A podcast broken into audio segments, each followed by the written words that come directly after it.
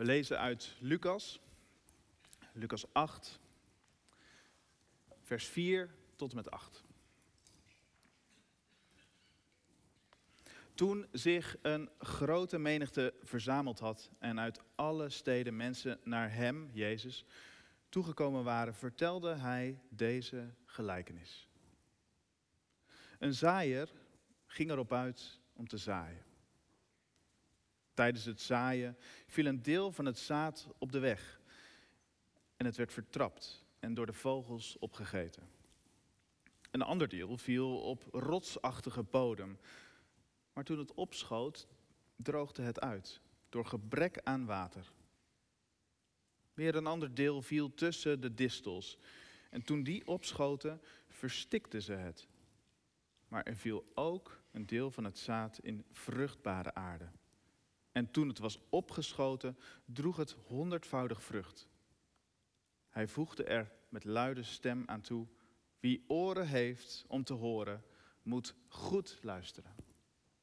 Tot zover woorden van God.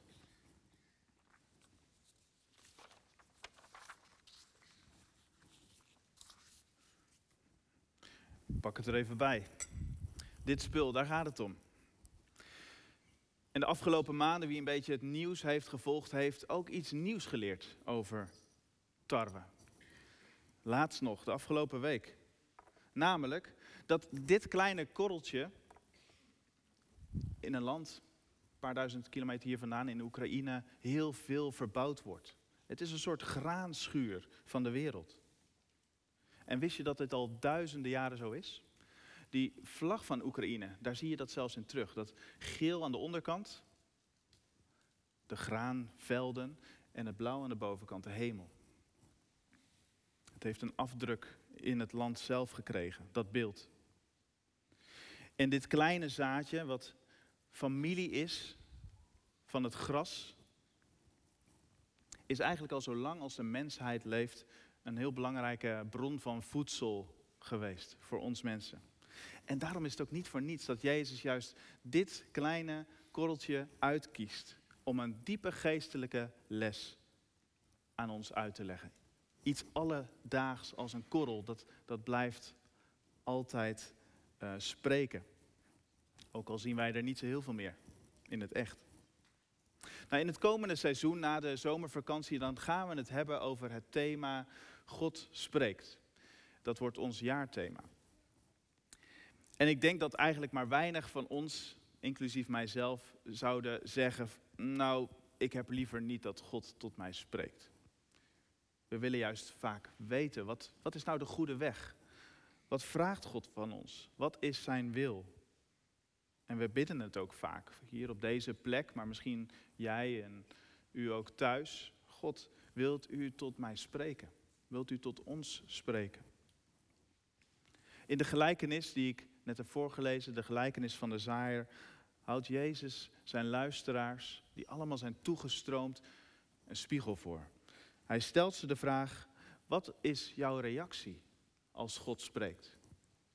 En misschien is het daarom goed om daar eens bij stil te staan voordat we straks dat jaarthema ingaan. God spreekt. We kijken vandaag naar de vier plekken waar dat graan valt. En ik heb ze even meegenomen voor zo goed als kwaad als het lukte. Naar vier verschillende luisteraars eigenlijk.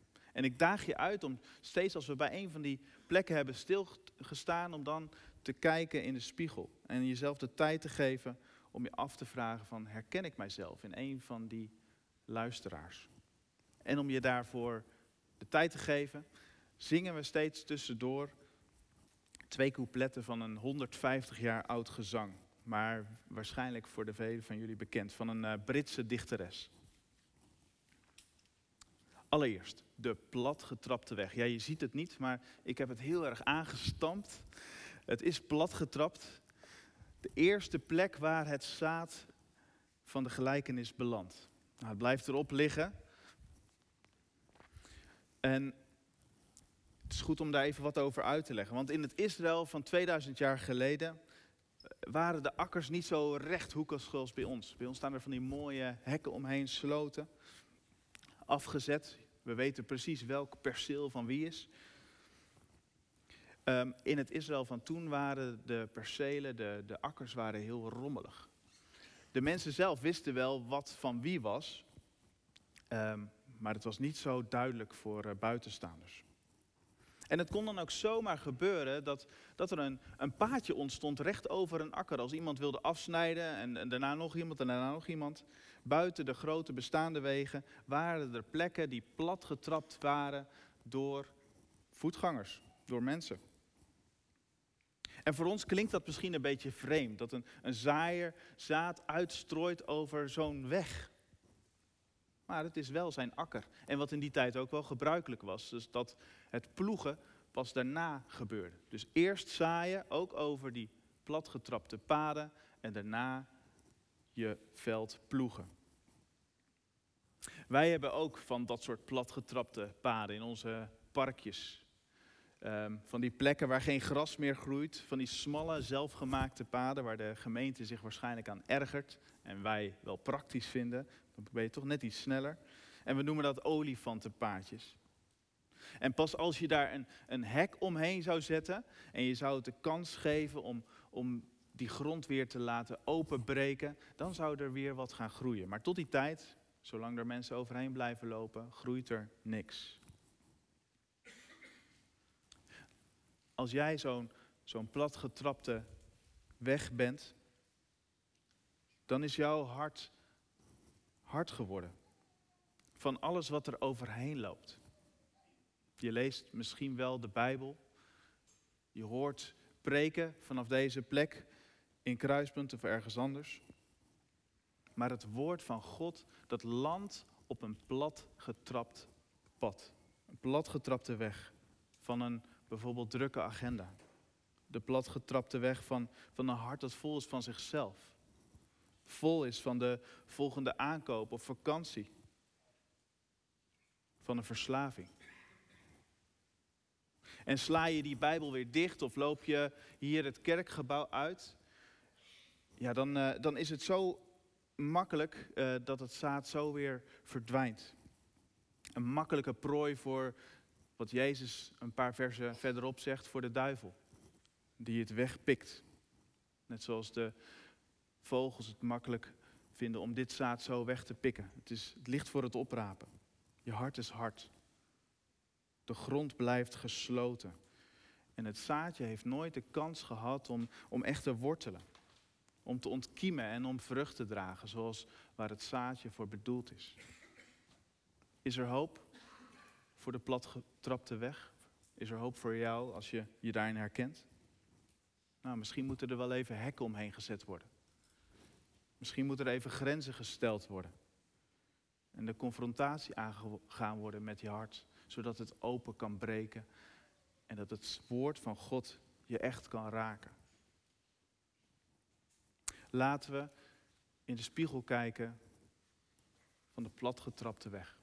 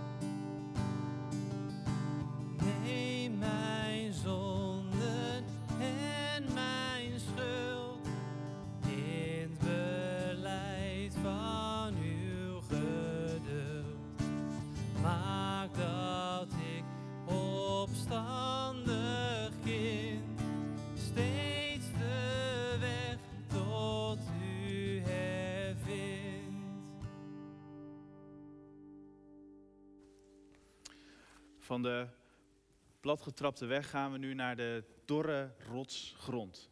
Misschien kan je het niet zien van een afstand, maar ik heb hier allemaal rotsen, stenen in gedaan. Uh, van de bovenkant lijkt het alsof het uh, nou, goede grond is, maar daaronder zitten allemaal stenen.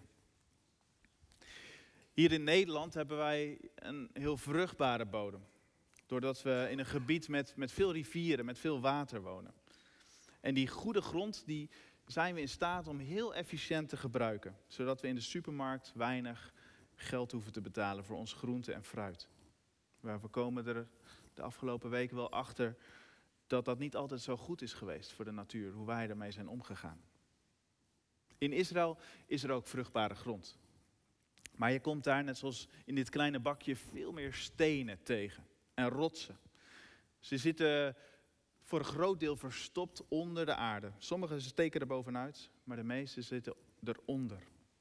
En het zaad wat op die rotsbodem valt, ja, dat begint hoopvol. De grond is open, het kan er binnenkomen, het krijgt een klein worteltje.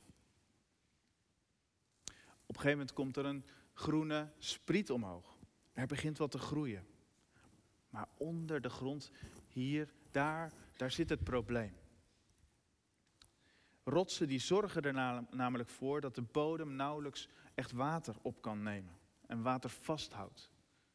Als het op een dag heel erg warm wordt, zoals nou ja, vandaag gaat het flink warm worden, maar afgelopen week was zo'n hele warme dag, dan, dan verdort dat kleine sprietje wat opgekomen is. Want er is namelijk te weinig water. Nou, als jij dorre rotsgrond bent, dan komen Gods woorden misschien wel binnen. Ze raken je van tijd tot tijd. Maar onder de oppervlakte van je leven daar ligt een grote steen. Iets wat ervoor zorgt dat Gods woord niet, niet diep genoeg kan groeien. Zolang er af en toe regen valt, hè, zolang, het af en toe, zolang het goed gaat, je leven eigenlijk voortkabbelt, dan merk je daar niet zoveel van. Maar wanneer het ophoudt met regenen, wanneer de zon fel begint te schijnen en die grond echt uitdroogt, kurkdroog wordt, die bovenlaag, ja, dan kwijnt het plantje snel weg. Als er moeilijke tijden komen en jouw geloof op de proef gesteld wordt, dan blijft er weinig van over. Dan verdort het. Dan verdort het snel. Jouw geloof gaat niet diep. Het reikt niet, niet tot het grondwater wat het nodig heeft voor dat, voor dat soort tijden. Je wortels komen niet tot de bron. Is er hoop voor dorre rotsgrond? Ja, ja, je kunt leren van de palmboom. Ook zo'n boom uit die plek, uit Israël. Uit de warmere streken. Want die palmbomen die zijn gewend om, om net zo hoog als dat ze groeien, ook zo diep te groeien. Zodat ze in tijden van droogte, en die kunnen soms al maanden of jaren duren, toegang hebben tot dieptebronnen, waar altijd water is. Ja, daar kunnen ze uit putten. Ook als het heel droog is. Ook als de dingen tegenzitten. Laten we, laten we in de spiegel kijken van de dorre rotsgrond.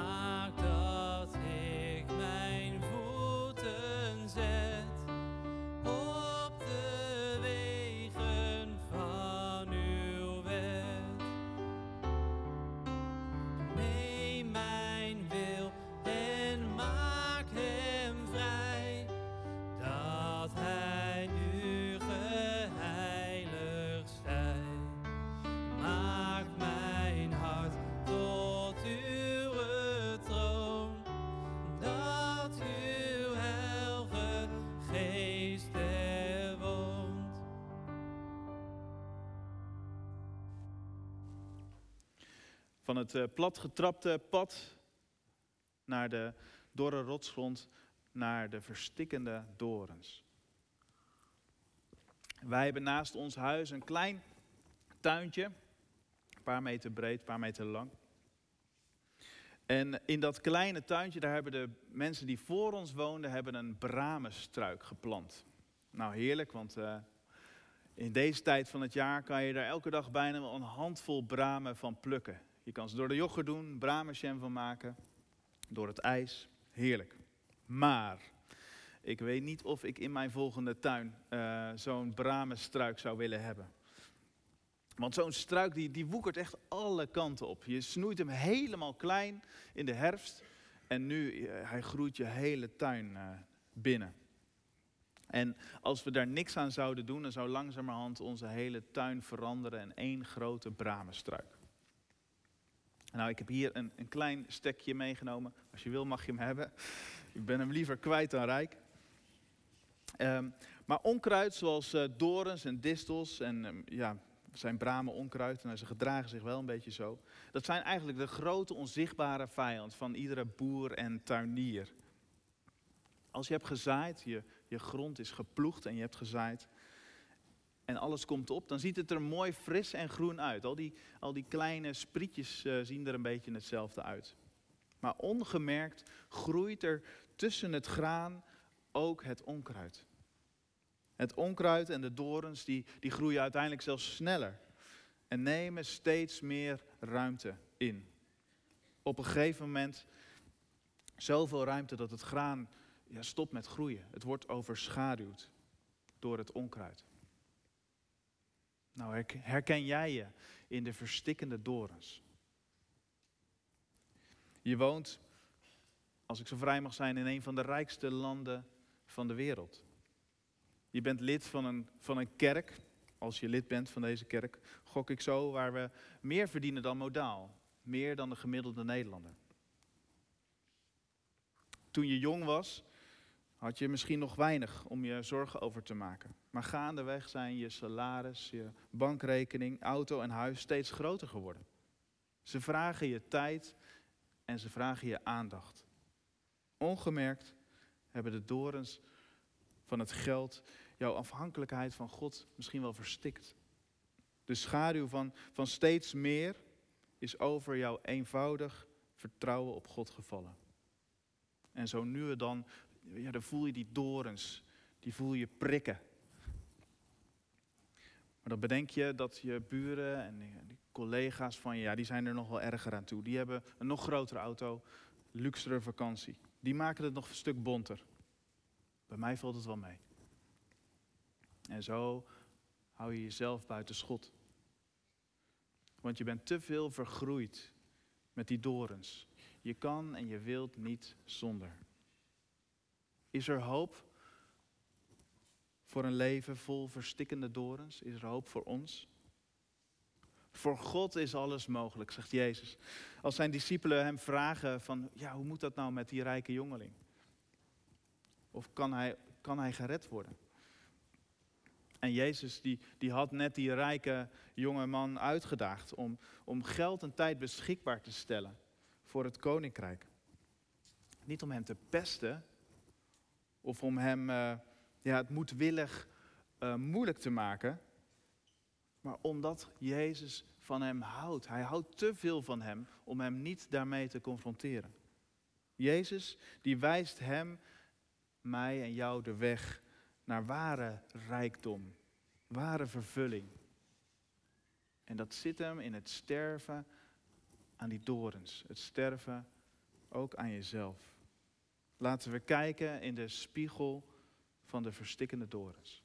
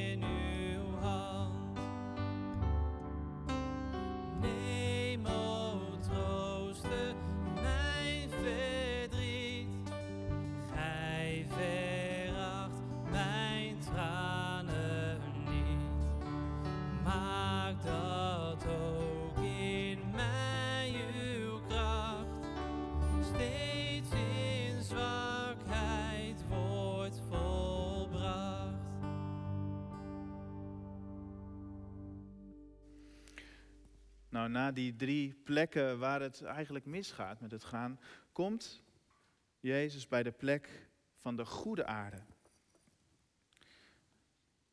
De aarde die, uh, die open staat, waar geen dorens zijn, waar geen rotsen zijn die de groei tegenhouden. Nou, wat ze in de tijd van Jezus deden, en nu nog steeds eigenlijk, is het berekenen van de opbrengst door het saaigoed, dus het aantal korrels wat je, wat je uitstrooit over je veld, te vergelijken met de opbrengst. En dat is het makkelijkste om dat in kilo's te doen, want het natellen van die zaadjes is een beetje veel werk. Stel je zaait 20 kilo en je oogst uiteindelijk 200 kilo. Nou, dan heb je dus een tienvoudige opbrengst. Simpel. Nou, in het Israël van, van 2000 jaar geleden, zo staat in de commentaren, was het gebruikelijk dat de opbrengst van een, uh, van een land ongeveer 7, tussen de 7 en 15voudig was. Dat was gebruikelijk. Een honderdvoudige opbrengst waar Jezus het over heeft, dat, ja, dat was niet onmogelijk, maar wel zeer ongebruikelijk. Uitzonderlijk. En het was afhankelijk van, van de goede grond en natuurlijk de kwaliteit van het zaad van de zaaier. In dat vierde en laatste stuk grond, daar zijn ze allebei goed. Het zaad en de grond. Herken jij je in die, in die goede grond? Wat zou Jezus bedoelen als het gaat om goede aarde? Hij legt het een paar versen later uit, in vers 15.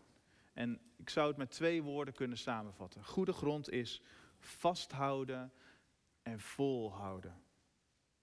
Dat is wat goede grond doet. Het houdt vast en het houdt vol.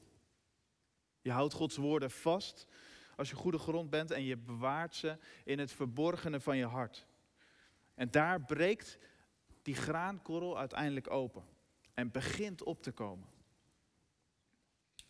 En zonder dat je het kunt helpen, wordt het uiteindelijk ook voor anderen zichtbaar dat Gods woorden in je leven, dat je ze met je meedraagt, dat je ze vasthoudt. Er is natuurlijk ook tegenwind. Ja, tuurlijk, gure wind, felle zon, maar die wortels zijn diep genoeg. En de groei is niet te stoppen. Eerst, eerst dat kleine groene sprietje, maar het wordt steeds groter en groter. En op een gegeven moment verschijnen de graankorrels eraan. Je houdt vast. Het recept voor goede grond, simpelweg. Die twee woorden, vasthouden en volhouden. Dat, dat is goede aarde. Nou, als ik je mag vragen, in welke van deze vier gronden herken je je het meest? Wat voor luisteraar ben jij als Jezus jou die spiegel voorhoudt met deze gelijkenis? Als Jezus deze gelijkenis hier nu opnieuw zou vertellen. De platgetrapte weg? De dorre rotsgrond? De verstikkende dorens? Of de goede aarde? Wat ik altijd lastig vond aan deze gelijkenis, is dat ik deze vraag eigenlijk niet goed wist te beantwoorden. Bij welke groep hoor ik?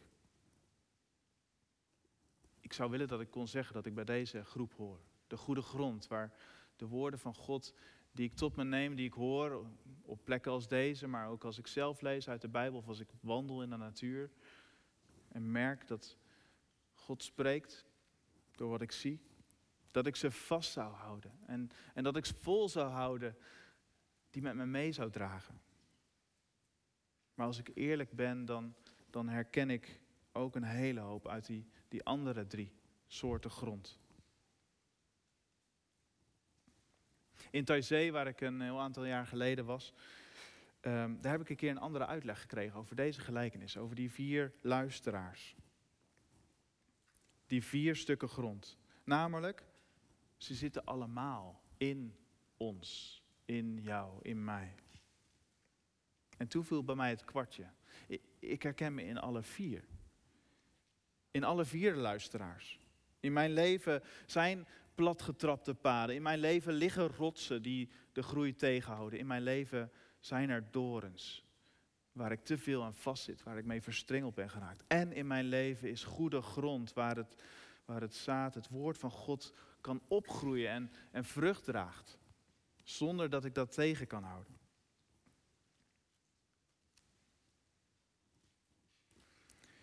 De vraag is, wat doe ik ermee? Wat doe ik met mijn hart? Laat ik de akker van mijn leven zoals die is? Wat doe ik dan met die, die platgetrapte paden of, of met die distels? Wat doe ik met die rotsen die erin liggen? Ben ik bereid om ze prijs te geven? Om ze los te laten? En probeer ik steeds weer opnieuw de goede grond te vinden, die te koesteren en die aan te bieden aan God als Hij spreekt. Want als ik een van die andere dingen aanbied, dan sterft het woord weer in mij. Houd ik vast aan wat God zegt en houd ik vol. Soms is het misschien beter dat we met een, ik denk eigenlijk vaak, dat we met een heel klein beetje van God daar ons aan vasthouden, dan alsmaar weer nieuwe preken, nieuwe dingen horen, maar, alles, maar dat alles verdwijnt op, op deze soort bodem. Je kan beter een, een beetje hebben wat in goede grond valt, dan een hele hoop wat daar valt. En als we dan naar die zaaier kijken in deze gelijkenis, dan vallen gelijk twee dingen op. Hij, heeft, hij strooit met supergraan, dat veel meer opbrengt dan gebruikelijk. Honderdvoudig in plaats van die vijftienvoudig. En het tweede is, hij is heel ruimhartig en overvloedig. Hij, hij zaait alles behalve voorzichtig. Hij zaait overal, tussen de stenen, op de paden. Hij strooit zijn graan over de hele akker. En dat is wie God is. Hij, hij deelt zijn woord met de hele aarde. Over goede en slechte. Iedere dag. Over alle harten. Over ons allemaal. In alle fases van ons leven. Het is niet voorzichtig. Nee, zijn woorden zijn onvoorstelbaar krachtig en overvloedig.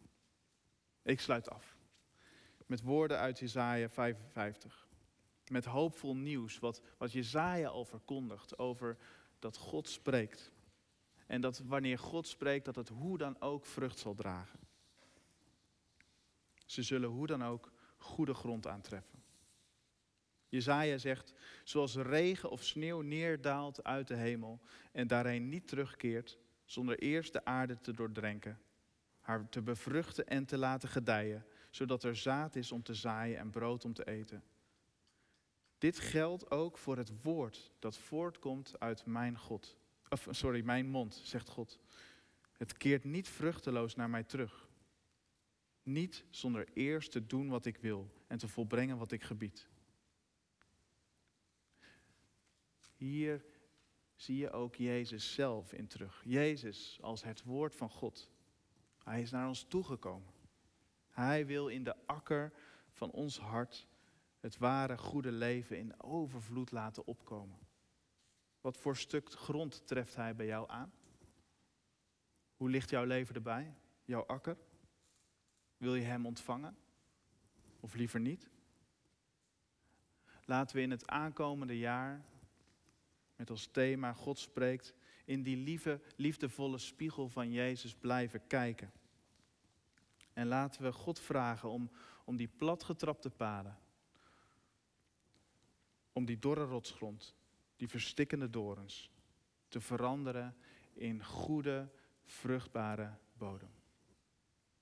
Amen.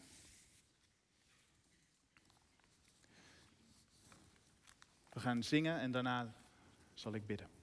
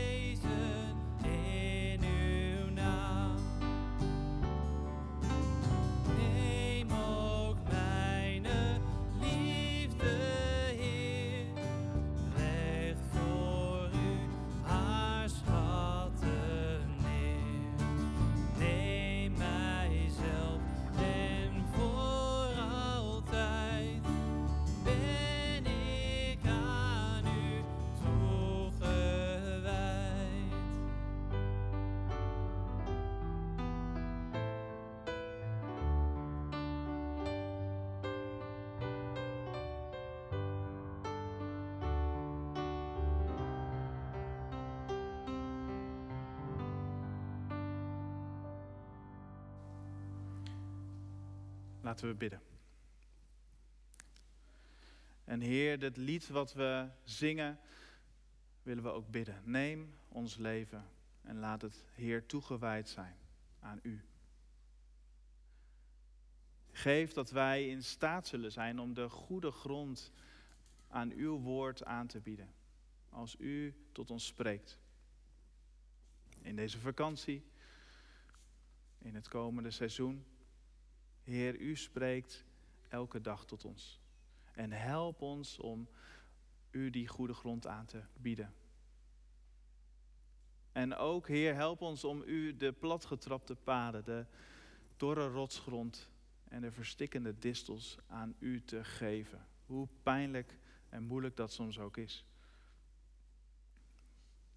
Want hoewel een boer ze liever kwijt dan rijk is, hechten wij soms zo daaraan.